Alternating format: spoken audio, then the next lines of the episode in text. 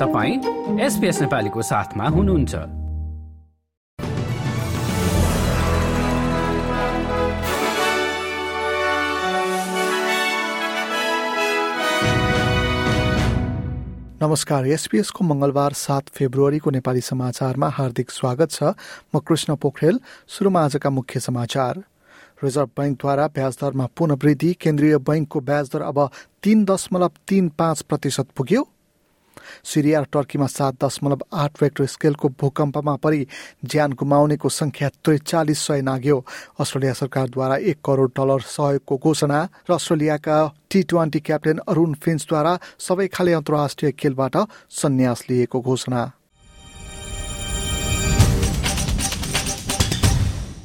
Reserve ब्याङ्कले शून्य दशमलव दुई पाँच प्रतिशतले ब्याज दर वृद्धि गर्दै तीन दशमलव तीन पाँच प्रतिशतमा पुर्याएको छ। लगातार नौ पटक भएको वृद्धिले बैङ्कको ऋण लिएका मानिसहरूलाई दबाव पर्ने देखिएको छ। सरदरमा सात लाख पचास हजार डलर ऋण लिएका मानिसहरूलाई ब्याज दर बढ्दा मासिक एक सय चौध डलरको अतिरिक्त भार पर्ने भएको छ। मुद्रास्फीति दर उच्च रहँदा यसको व्यवस्थापनका लागि केन्द्रीय बैङ्कले आगामी केही महिना ब्याज दर बढाउने सम्भावना रहेको विज्ञप्ति मार्फत बताएको छ। यता संसदमा जारी प्रश्नोत्तरमा ट्रेजरर जिम चामर्सले सरकार उच्च रहेको मुद्रास्फीतिलाई कम गर्ने प्रयासमा रहेको बताएका छन् Each of these interest rate rises which began before the election have put extra pressure on Australians and put extra pressure on the Australian economy as well. And I think we understand in this place, certainly the Australian community understands that the Reserve Bank makes these decisions independently and it's not our job in this place to interfere or to second guess their decision making अस्ट्रेलियाले भूकम्पले क्षतिग्रस्त बनाएको सिरिया र टर्कीमा उद्धारका लागि एक करोड डलरको सहयोग गर्ने बताएको छ।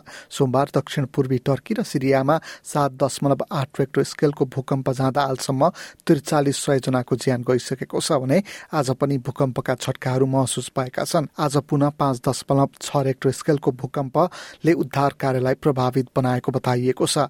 संयुक्त राष्ट्र संघ अन्तर्गतको सिरियाका लागि मानवाधिकार सम्बन्धी संयोजक अल मुस्तफा बेल्ना मिलले भूकम्पले ठूलो क्षति पुर्याएको र इन्धन अभाव र अत्याधिक गर्मीले उद्धारमा कठिनाई भइरहेको बताए The infrastructure is damaged. Uh, roads that we used to use for for uh, humanitarian work are damaged. We have to be creative in how to get to the people and how to get to them the, the assistance. But we are working hard. Those people already needed assistance.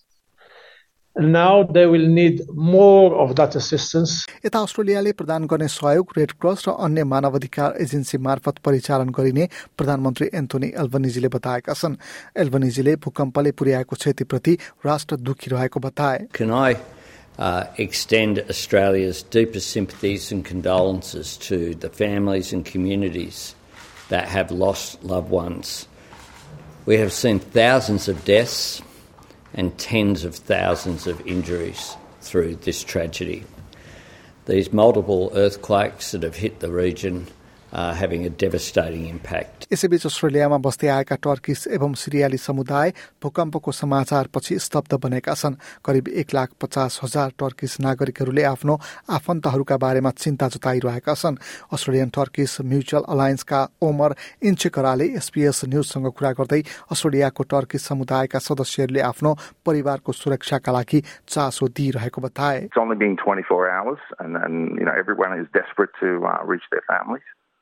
And, hopefully, uh, you know, they'll get good news. The local community is also people that would have uh, relatives in that area. We're seeing a lot uh, of messages on social media where they're putting up their names, their addresses, and asking people in that regions to go check those buildings. देशका मुख्य निजी बिमा कम्पनीहरूले आफ्नो प्रिमियमलाई अप्रेल एकपछि बढाउने योजनालाई पछाडि सारेका छन्। एनआईबी र मेडी ब्याङ्क जस्तै बिमा कम्पनी भूपाले पनि प्रिमियममा तीन दशमलव तीन नौ प्रतिशतको बढोत्तरी गर्ने योजनालाई जुलाई दुई हजार तेइससम्म पछि सारेको हो। यसले सेवाग्राहीको करिब सात करोड पचास लाख डलर बचत गरेको छ। एनआईबीले आफ्नो योजना सेप्टेम्बरसम्मलाई पछि सारेको छ भने मेडी बैंक र एएचएमले जुनसम्मलाई प्रिमियम नबढाउने घोषणा गरेका छन्। साउथ अस्ट्रेलियाको संसदले राज्यको कानूनमा आदिवासीहरूको आवाजलाई समेट्नका लागि एक विधेयक यसै हप्ता संसदमा लिएर जाने भएको छ। सार्वजनिक गरिएको मोडल अनुसार छयालिसजना सदस्यहरूले बाह्रजना आदिवासी समुदायका सदस्यहरूलाई मनोनयन गरी संसदमा विधायकी बहसका क्रममा आफ्नो पक्षमा वकालत गरी केन्द्रीय आवाजको भूमिका निर्वाह गर्नेछन्। उनीहरूसँग मतदानको अधिकार भने नरहने बताइएको छ। साउथ अस्ट्रेलियाका premier Peter मालिनस्कसले यसले राष्ट्रिय तहमै आदिवासी आवाजलाई उठाउन मद्दत गर्ने बताए I think lots of the questions that have been raised around the national voice will in many ways be answered through the exercise that we undertake here in South Australia. A thoughtful, considered, compassionate model that takes nothing away from anybody. Um, it doesn't diminish our parliament, rather, it enhances it.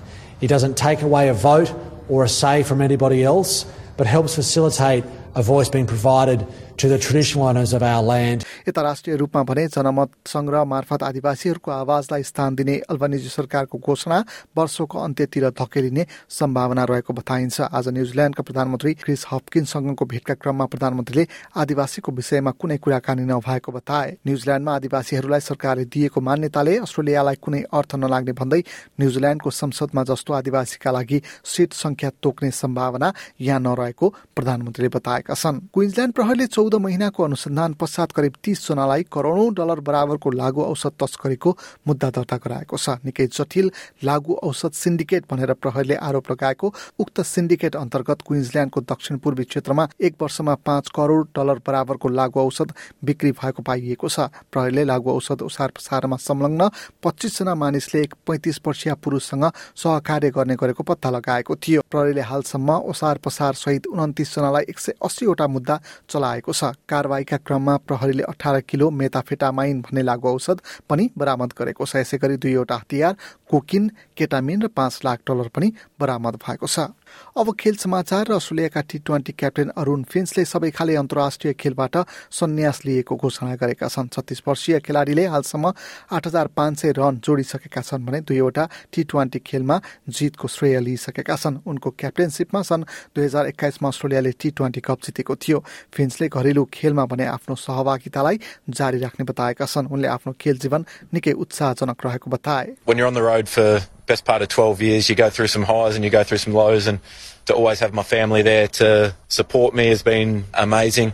I'm very grateful and very thankful um, to all my teammates that I've played with. It's been a pretty amazing ride and I don't think it's t- until you finish up that you sit back and you you reflect on it and you realise some of the friendships that you've made and some of the experiences that you've had over 12 years playing for Australia. It's it's pretty amazing. अबको कप्तानको जिम्मेवारीमा Tim Smith वा Glenn म्याक्सवेलको सम्भावना रहेको पनि उनले संकेत गरेका छन् अब भोलि बुधबारको मौसम सम्बन्धी विवरण भोलि पर्थमा घाम लाग्ने सम्भावना सहित एकतिस डिग्री अधिकतम तापक्रम। एडिलेटमा पनि अवस्था उस्तै र एकतिस डिग्री मेलबर्नमा आंशिक बादलको अवस्था र चौबिस डिग्री होबर्टमा आंशिक बादलको अवस्था र उन्नाइस डिग्री क्यानबेरामा पनि अधिकांश समय बादल लाग्ने र तेइस डिग्री ओलङ्गनमा पनि वर्षाको सम्भावना सहित तेइस डिग्री सिडनीमा पनि केही बेर वर्षाको सम्भावना र सत्ताइस डिग्री न्यू क्यासलमा आंशिक बादलको अवस्था र अठाइस डिग्री ब्रिजबेनमा पनि अवस्था उस्तै र उन्तिस डिग्री केन्समा केही बेर वर्षाको सम्भावना तेत्तिस डिग्री। डार्बिनमा भने केही बेर वर्षासँगै बतास चल्ने सम्भावना सहित तेत्तिस डिग्री अधिकतम तापक्रम। हस्त यसका साथै आजको एसपीएस समाचार यति नै।